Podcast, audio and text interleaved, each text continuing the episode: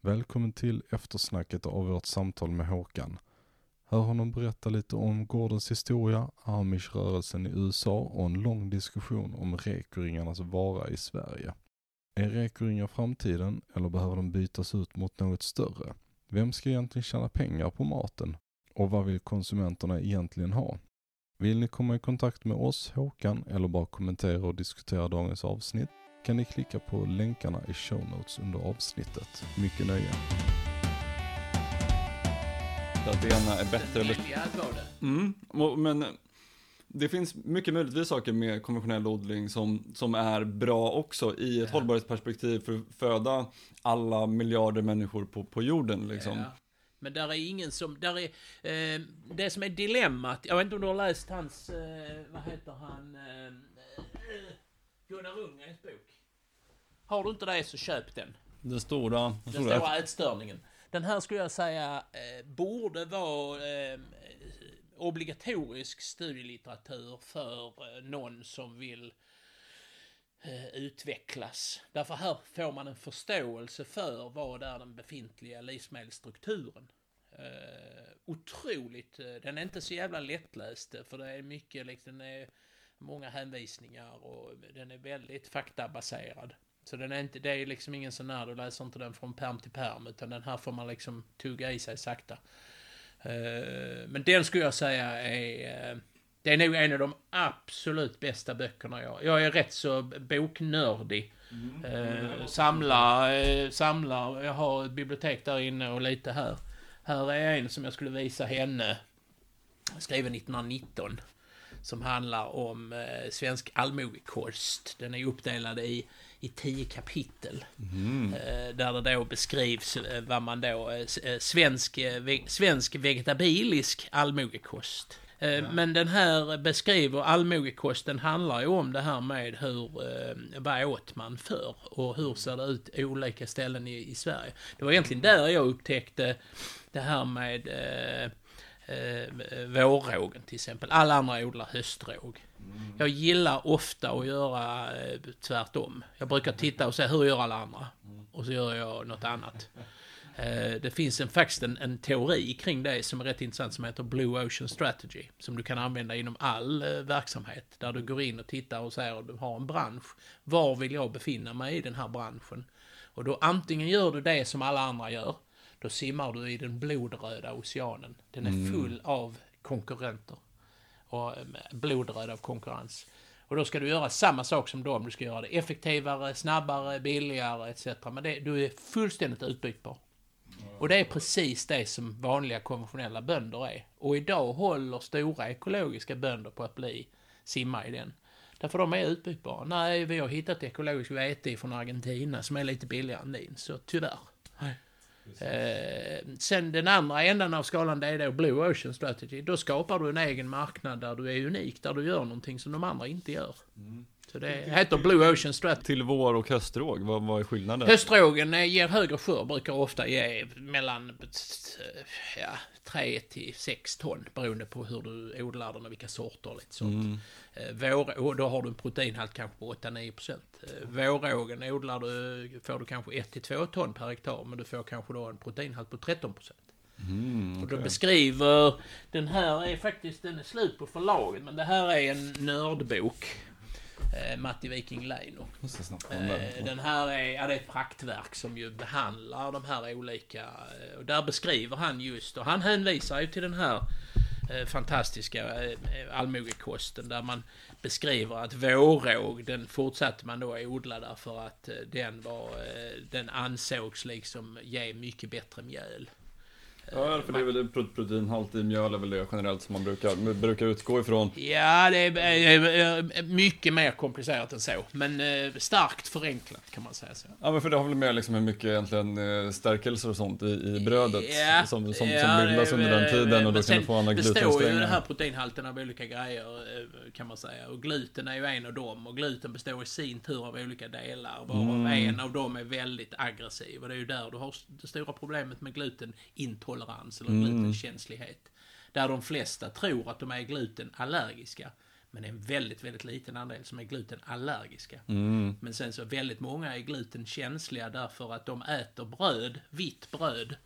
Oavsett om det är McDonalds eller Burger King eller det är Pågens. Så är det ju vitt mjöl. Där man till och med har tillsatt gluten. Inte nog med att där är mycket aggressivt gluten i det mjölet. Utan där är dessutom tillsatt just för att du ska klara av att baka bröden väldigt hastigt i en industriell process. Du, här, här skulle vi kunna ha en egen konversation bara, bara om gluten har jag.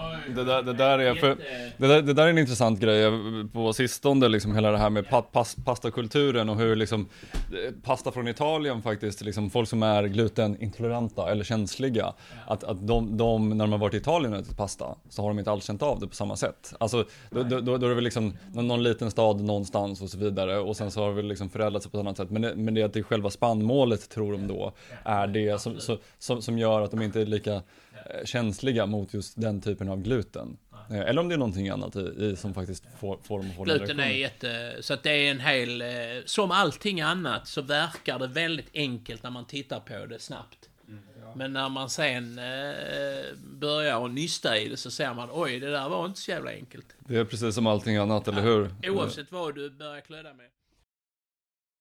En av mina, mina idoler, John Kempf i, i USA, han är ju amish. Eh, han pratar inte ofta om sig själv utan han intervjuar ganska många andra. Men otroligt duktig odlare liksom, på ett helhetsperspektiv och storskaligt perspektiv. Eh, men då var det någonting kort någon gång i en intervju om honom då, där han pratade just om det här amish-communityt. Och där var det liksom att de här eldersen, när du väl hade kommit upp i ålder eller rank, då kunde du till och med få kolla på TV. Och han var ju lite emot det där och tyckte att det var lite konstigt liksom. Men att det ändå fanns så att liksom, ja men med, med tid och med någon form av egen intern makt, då får du tillgång till de här andra liksom teknologiska sakerna. Som Sen är han ju en tolkare, för han är ju inte praktiserande. Han är ju eh, utanför. För de, de vanliga amish, de ger ju aldrig några intervjuer till outsiders, så att säga. Så man, det är väldigt svårt att få kontakt med dem outsiders. Nu, den här killen då, eh, Helmut, eh, Fre- Freeman Helmut, som vi träffade och visade väldigt, vi pratade ju bara jordbruksteknik. Så vi pratade ju inget, och odling. Så pratade ju ingenting om religion. Det var spännande när vi skulle åka därifrån, det var i juni eh, 2018 varmt som fan var det. Eh, Iowa Plains. Eh, och eh, eh, så fick jag vatten och så, så när vi skulle åka därifrån så frågade jag, kunde jag ta lite mer vatten? Så hade han ett vattenhus mitt på gårdsplanen. Eh, och jag skulle gå och ta vatten där men jag gick in i fel dörr. Eh, så jag kom in i ett rum där det var svalt. Och så undrar jag, vad, vad, vad, är det här för någonting? Och då lyfte han på ett skynke där det låg isblock inne. Så det var deras kyl. Old school. Ja, Verkligen. Det var, men helt naturligt när man tänker efter. Och jag, min d- dumma nöt, jag tänkte mig inte för så jag sa till honom, var, var får du tag på is? Och han tittade på mig som om jag kommer från en annan planet. Så sa han, ja men de tar vi ju på vintern i sjön där borta. Så, liksom som om det, så det var oerhört intressant. Det där är ju jätteintressant, för man går tillbaka, precis som du säger i den här boken då, man går tillbaka till gammal också svensk kultur, eller gammal kultur generellt, för det var ju så vi hade som kyl, kylar förr. Jag tror ju många gånger så är det ju det där, den vet jag inte om du har den, eh, småbruket. Det här är ju en, en tidig variant utav John Seymours eh, nytolkning kan man säga. Eh, där det då, vi har ju haft en egna hemsrörelse i Sverige i början av 1900-talet. Eh, och det här är ju spännande hur de här äldre tolkar, hur, hur man eh, eh, hur, hur ska man försörja sig själv utifrån ett självhushållningsperspektiv? Vi ska inte glömma att vi hade ju en svält som inte var av denna världen 1867, 1868 i Sverige. Där det var ju massor med folk som dog. Eh, först 1867 tror jag det var i Norrland mycket, men sen 1868 blev det ju södra Sverige, framförallt då Kalmar län och där. Eh, som, det är ju då han i Utvandrarna skickar hem spannmål i eh, Karl Oskar, ja precis. För då hade det gått så bra för honom. Han, eh, och sen har du ju 1918, 1917, 1918. Så att eh, vi har ju haft svält här och hade vi inte haft ett globalt försörjningssystem så hade 2018 varit likadan hade Ja, ja, ja, för fan. Det var ju, de fick ju slakta djur här. Det fanns ju inte, fanns ju inte ensilage och hö eller något grovfoder till djuren. Så det var ju, och då innebar det att det var köer på slakterierna för folk hade inte, hade inte foder till sina djur. Och de kunde ju inte åka och hämta foder ifrån liksom Norrland. Och det var ju, den här torkan den slog ju i norra Europa. Så det drabbade ju både Polen och norra Tyskland och Danmark och södra Sverige. Så du, du, du som har varit med ett tag, tänker du att det är någonting som har med en klimatomställning, eh, förändring att göra eller bara. Den förstärks säkert, men jag tror att vi, eh, vi ska inte vara... Eh, det finns ju något som heter the perfect storm och det kan man ju utgå från att när vissa grejer händer så är ju risken att det händer samtidigt. Och det händer ju inte varje år, men när det händer så shit hits the fan. Uh, och det är väl det han beskriver här att, uh, att vi, vi uh, nu är ju ICA-handlarna är ju våran det är ju våran, eh, vad heter det, eh, reservlager. Kommer det att fungera ifall det verkligen blir eh, social oro och så vidare? Så det, det, man pratar om ett begrepp som heter Black Swan, alltså den svarta svanen. Grejer som kommer som du inte kunde förutsätta. Du kunde inte förutse det. Eh, det finns ett begrepp när man, eh, som heter expect the unexpected. Och det är klart att det gäller ju på något vis att försöka förbereda sig. Jag tror att vi måste bygga in en, en, en resiliens och en, en, robusthet i vårt livsmedels, både produktionssystemet men också distributionsdelen. Mm. Och det är ju därför jag tror så mycket på bland annat rekoringar, gårdsbutiker. Och sen att konsumenterna förstår att om ni vill att jag ska odla här så måste ni ju handla mina grejer. Det, och det, det, är, det är lättare sagt än gjort. Alltså hela, det, det har vi med ganska många små producenter. Att, eh, Många tycker att det är relativt enkelt att producera. Nu är inte det enkelt jämfört med många andra jobb såklart, men, men att en av de stora utmaningarna är faktiskt att sälja produkterna. Även fast de har en jätte, jättebra produkt som egentligen talar för sig själv med smak och förmodligen med näringsämne och med att du får informationen och allting från liksom den du köper av, jordbrukaren, eh, vid till exempel rekoring, mm.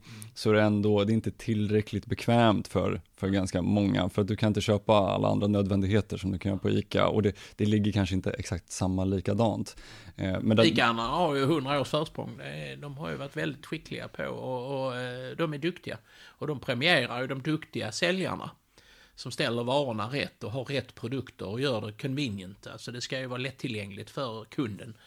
Eh, det är ju de som premieras och de tjänar bra med pengar och så vidare. Så att det är, de selekterar ju verkligen fram de allra bästa handlarna. Ja men så, så är det ju. Är de alltså... har duktiga. Coop är inte lika duktiga på det tror jag.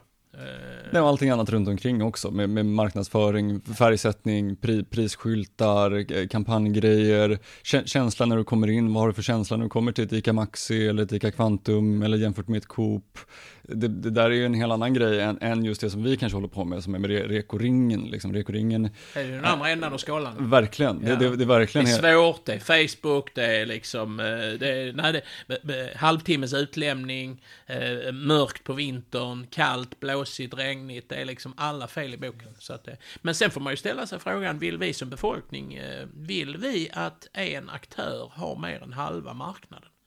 Är det sunt? Jag tycker inte det.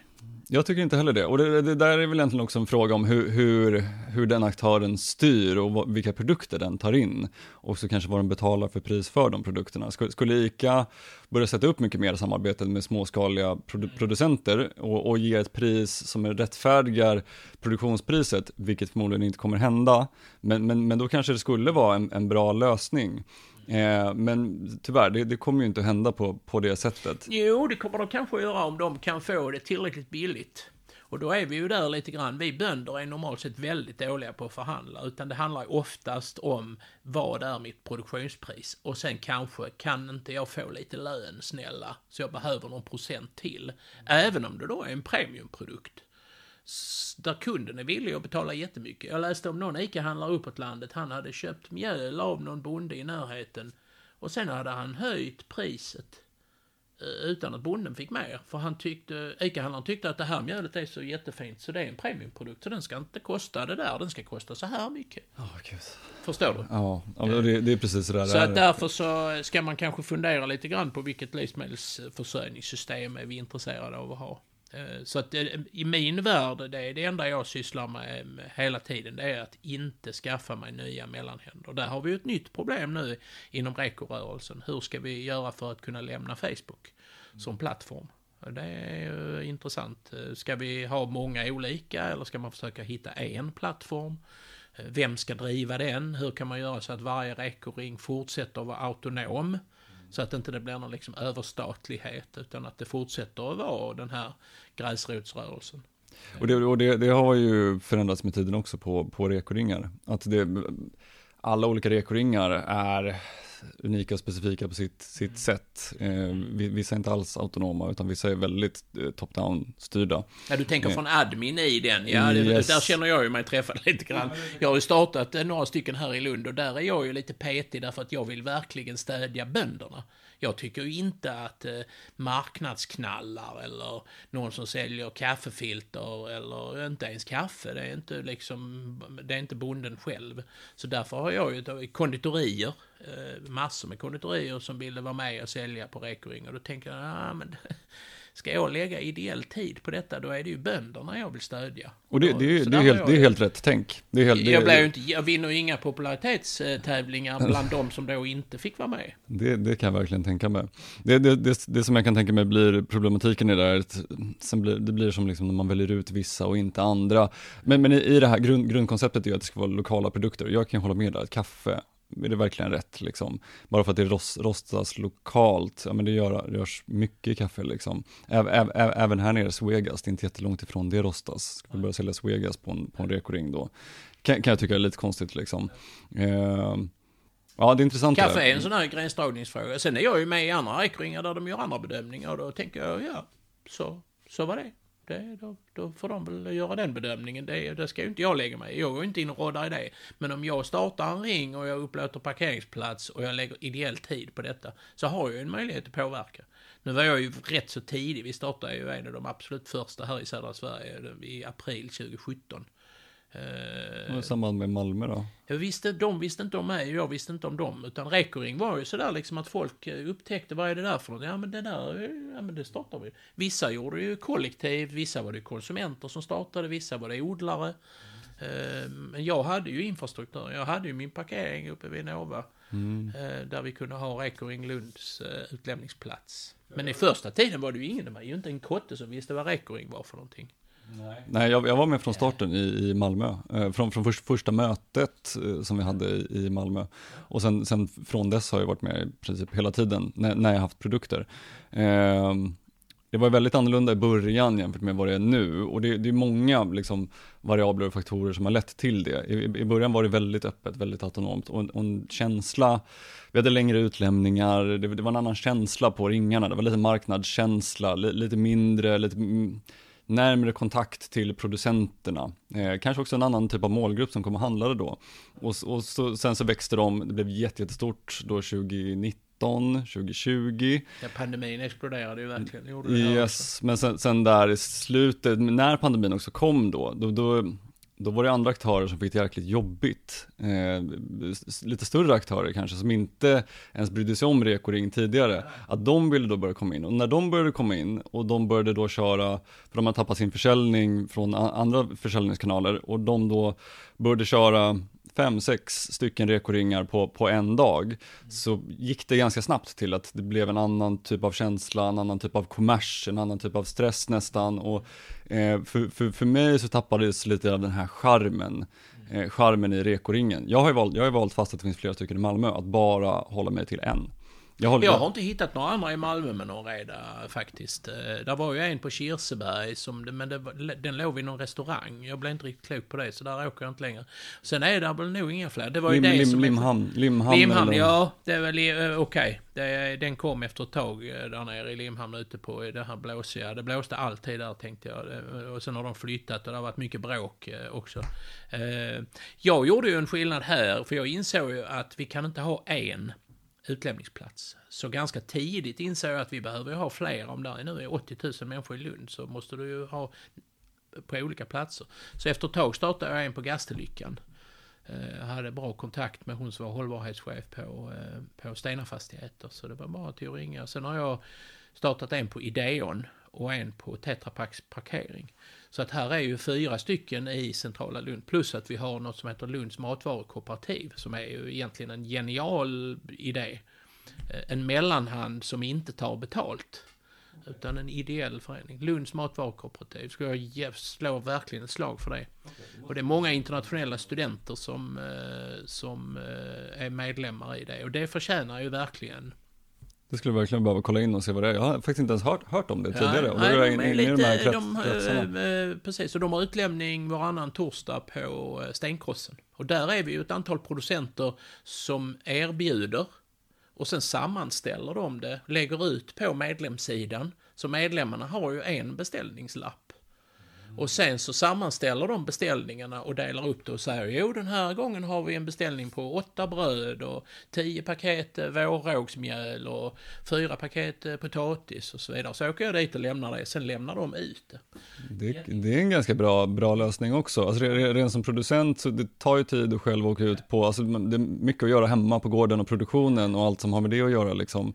Så, så åka och lämna ut och sådär. Det, det är jättekul att få träffa kunder, men det är, det är också tid, bara att ta, ta sig dit fram och Jag tror att. Rekoring-rörelsen är inne i någon fas där den, alltså vi har inte hållit på så länge. Det är sjätte säsongen nu som eh, jag har hållit på. Eh, även om vi höll på med CSA och lite andra grejer innan eh, och, haft gårdsbutik och odlar våra mm, eh, kulturspannmål och så vidare.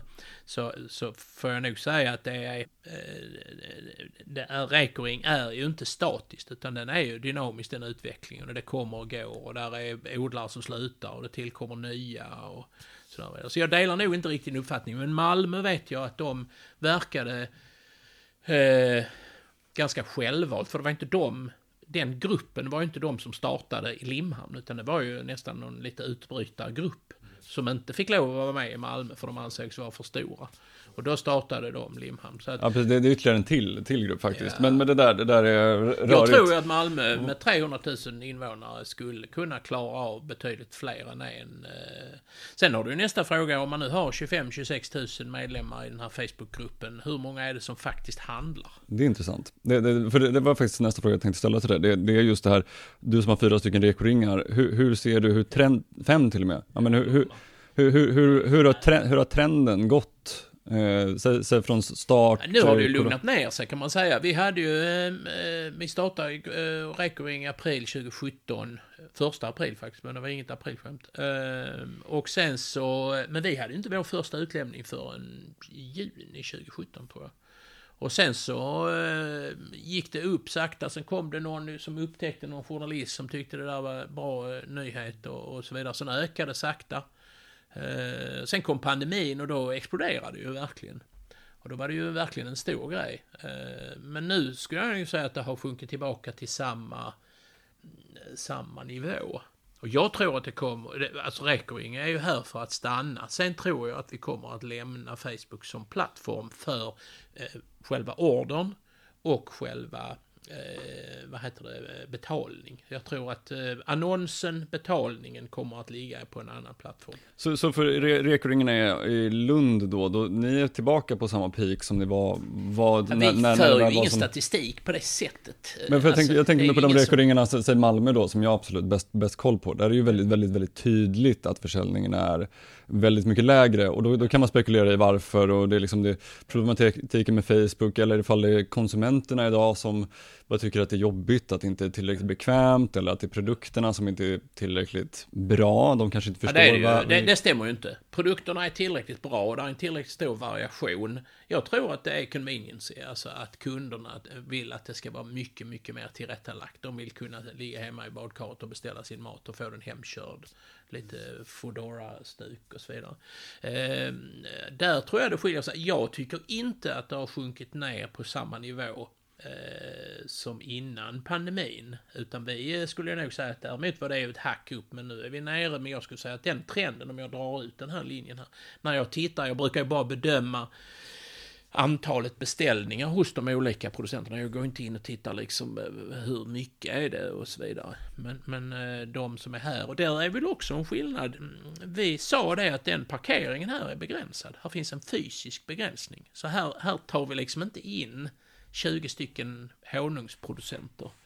Eh, och då, eh, utan vi har ett par, tre stycken honungsproducenter. Så. Vi, vi kan inte ha fler.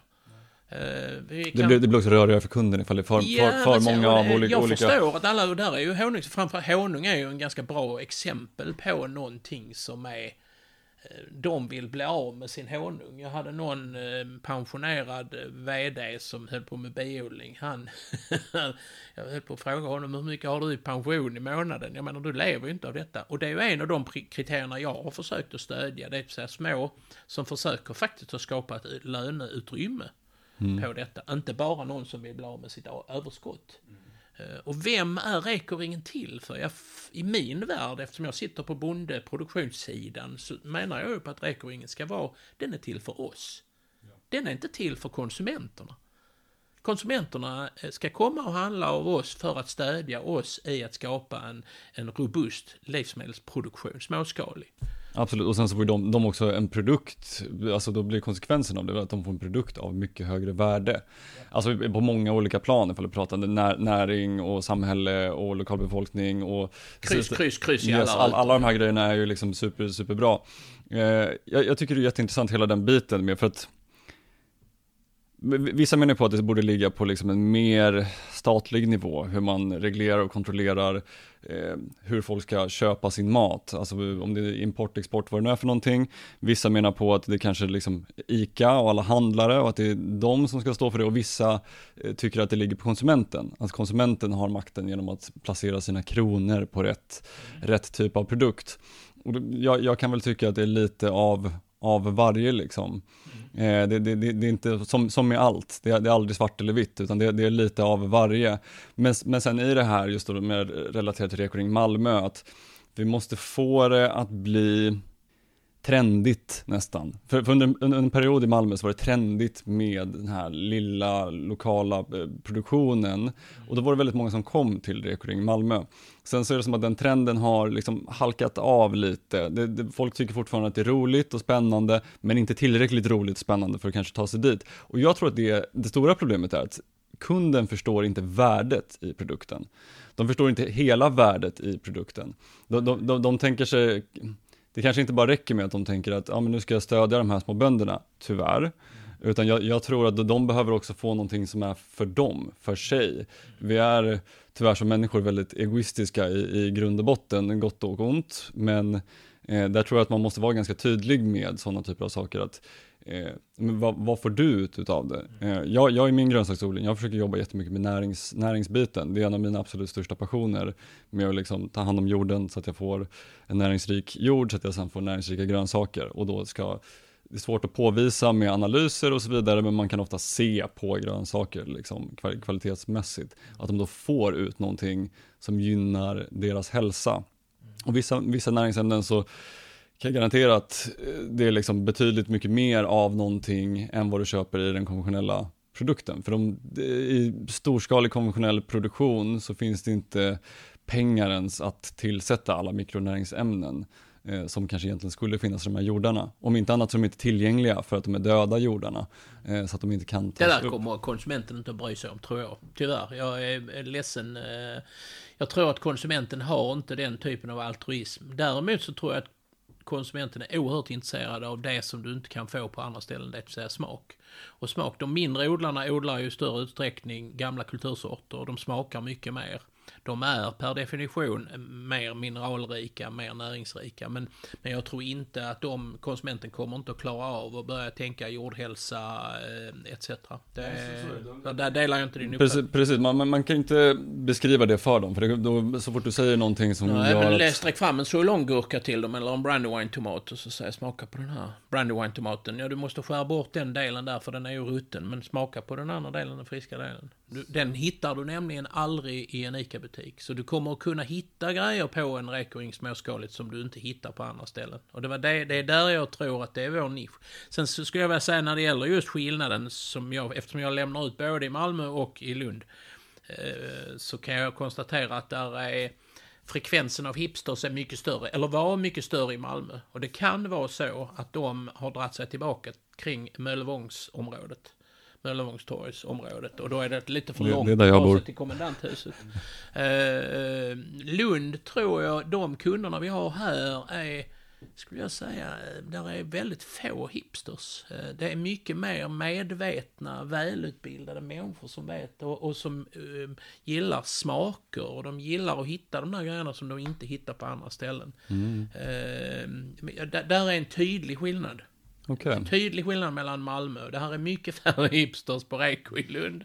Eh, där är, och, de, och det kan vara så att, eh, för det håller jag med dig om, Reko Malmö har minskat. Men de som har minskat, eh, det är nog de Möllevångstorgs, om jag nu... Med, Men det tror jag är en gener- generell grej i hela Sverige. Jag tror inte det här bara liksom är till Malmö om man, om man ser periodsmässigt från, Nej, alltså. De är att kanske det- flyktigare på något sätt. Ja, alltså jag, jag, tror, jag tror att det är någonting från, från efter, efter pan, pandemin, att det, det, det är ett annat tankesätt i konsumentens eh, perspektiv liksom, som, som har förändrats. Och att i många rekoringar i, i Sverige ja, har det minskat ganska, ganska drastiskt. Sen, sen är det fortfarande produkter som, som alltid går, som fortfarande finns den här, någonting som är ägg. Ägg går mer, mer än någonsin, för, att- för där finns det då också ett konsument, konsumentperspektiv så bryr de sig mer om äggen eh, och kvaliteten på äggen för att det kommer att kanske saker som har med djur generellt att göra. Att eh, där, där ser man djurhållningen och djurens hälsa. Där är det ju lite svårare kan jag tycka när det gäller ägg eftersom det är ju en salmonella-produkt. Alltså att där är problem med salmonella i väldigt små eh, i väldigt små gårdsägg. Nu är det ju dessutom restriktioner. Du får inte lov att ha dina höns ute.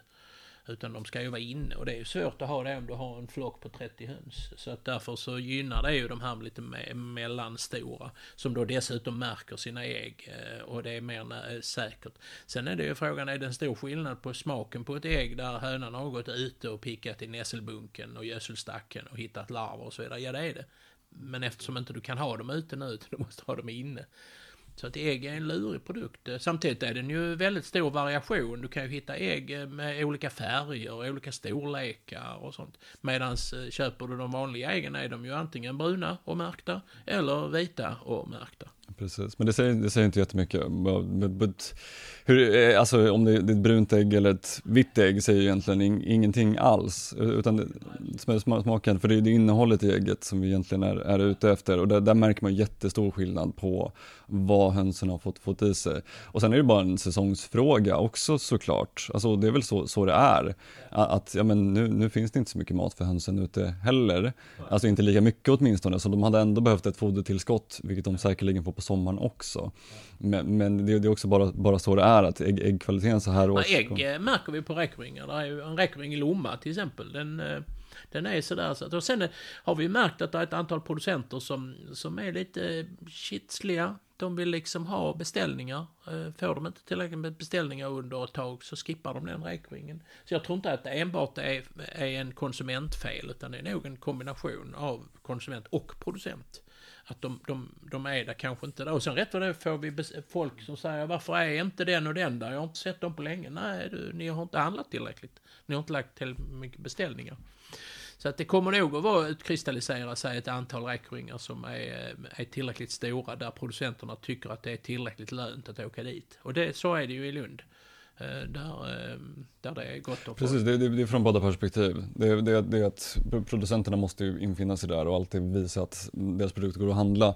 Men sen, sen är det ju också, som du säger, jag tror att man måste bort från Facebook. Jag tror att man, men liksom, det, det må- det måste bli mer likt ett mathem där du kan sitta på eh, telefonen och try, trycka i grej, grejer i en varukorg och sen så Men Hur- vill vi då att det ska komma nya eh, mellanhänder i form av eh, apptillverkare som eh, tar fram sin stora os- ICA-osthyvel och skär tjocka skivor. Och sen är vi, är vi fast i det här träsket. Då får vi, slipper vi, då blir vi av med kontakten mellan bonden och då blir det bara en leverans. Till slut blir det hemkörning. Och jag, 63 år gammal, jag klarar inte av att ligga och köra hem ett paket mjöl till folk. Jag är hemskt ledsen. Det är... Så är det. Men jag tror sam, samtidigt också att, jag, för jag tror ändå att de har en, en ska vi kalla det grön, grön vision i det där. Det är klart, det, det finns alltid pengar, pengar är alltid ett liksom, en driv, driv, ja, i, i- men för, för de flesta och för det mesta så är det det huvud, i det stora hela så, så är det liksom det i, i världen i vårt kapitalistiska samhälle. Men tror du inte att den här gröna tråden, är det inte, någon, är det inte en hygienfaktor idag? Tror du verkligen att någon som skulle kunna sätta upp och, och sen så inte ha eh, det här, eh, den, den, den gröna så att säga visionen, som du pratar om. Det är väl en hygien, för det måste man ju ha idag. Det vore ju anmärkningsvärt om man inte hade det. Så är det, men vi, vi, vi, vissa använder det mer eller mindre. Och vissa, vissa använder den bara som, som ett eh, marknadsföringsbegrepp eh, ja, eller koncept. Hur vet man vad som är äkta och vad som inte det är, är äkta? Jättes, det är jättesvårt, men där, där tror jag ändå liksom att, att Mylla är någonstans när, närmre oss än vad de då skulle vara, säg åtminstone ICA eller Linas matkasse. De tror jag är ganska mycket ja. längre jag mot tror att de fyller, en, de fyller en funktion i meningen att de är en, en mellanhand som har förstått att konsumenter vill ha mer personliga leverantörer. Det vill säga de vill handla så nära slut, eller bonden som möjligt. Och det är ju en affärsmöjlighet som Mylla har upptäckt och det är ju bra och skickligt och duktigt. Men... De, de eh, började, jag, var, jag var faktiskt med i första samtalen med, med Rickard Sandahl och, eh, men man hade en annan partner då och sen Maria Rickardsson när de väl skulle starta upp det här. Eh, så satt jag i samtal på Lilla Kafferosteriet när jag jobbade där och pratade om hela konceptet och det de utgick från var ju faktiskt rekoringar. Men att de såg just den här problematiken med att folk skulle ta sig till de här platserna för att göra det och att bekvämligheten funkar inte för alla liksom. Och, och det, det, var där liksom det här började, men sen har ju de haft mer än ett par tuffa år med, med sitt lilla mylla-koncept och bara göra det. Och nu, nu, har de väl liksom försökt ta ett annat, annat steg och göra det större och då kanske också lite mer lönsamt.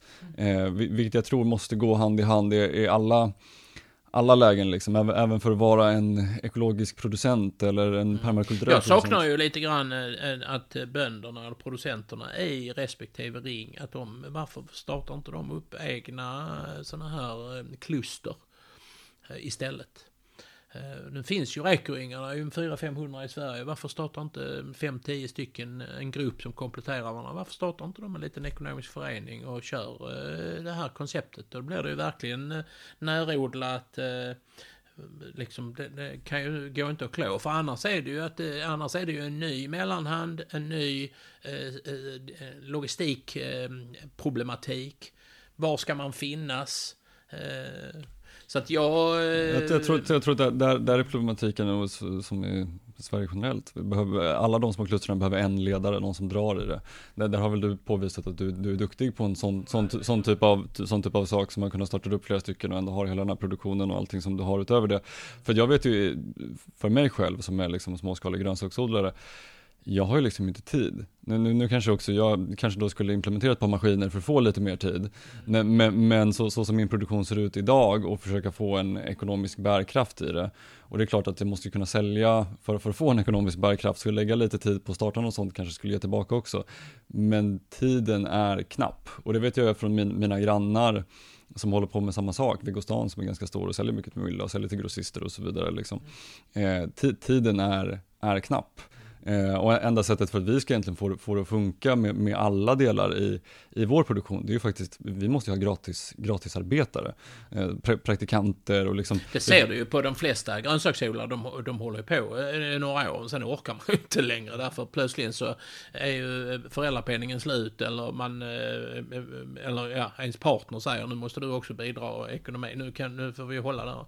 Så att jag tror att det, man måste hitta någon, men man måste ju man måste nog ta sig ur råvaruträsket. Eh, för annars, eh, annars är man fullständigt utbytbar. Plus att man är utsatt för alla. Det finns massor med mellanhänder som sitter och tittar uppifrån och säger att här finns en affärsmöjlighet. Han har inte tid. Eh, hon har inte tid. Det fixar vi och sen tar vi fram den stora osthyveln så gör vi en riktigt bra affär av detta. Så är det. det. Och sen så ger vi den där han eller hon eller hen en, en, eh, så att de känner sig lagom nöjda. Det vill säga produktionskostnaden plus lite till. Men sen så inser de ju också att det finns en kund som faktiskt är villig att betala för en premiumprodukt. Som den där ICA-handlaren som sålde kulturspannmålsmjöl eh, extra dyrt för det var en premiumprodukt. Men han, han berättade inte det för, för, för bonden han köpte mjölet av. Eh, och det är klart, varför skulle han göra det? Det, eh, eller hur? Bonden, han var ju nöjd med det priset han fick. Och där är Så jag... Eh, eh, så det ska bli spännande att se det är, eh, hur, den här, eh, hur detta utvecklas.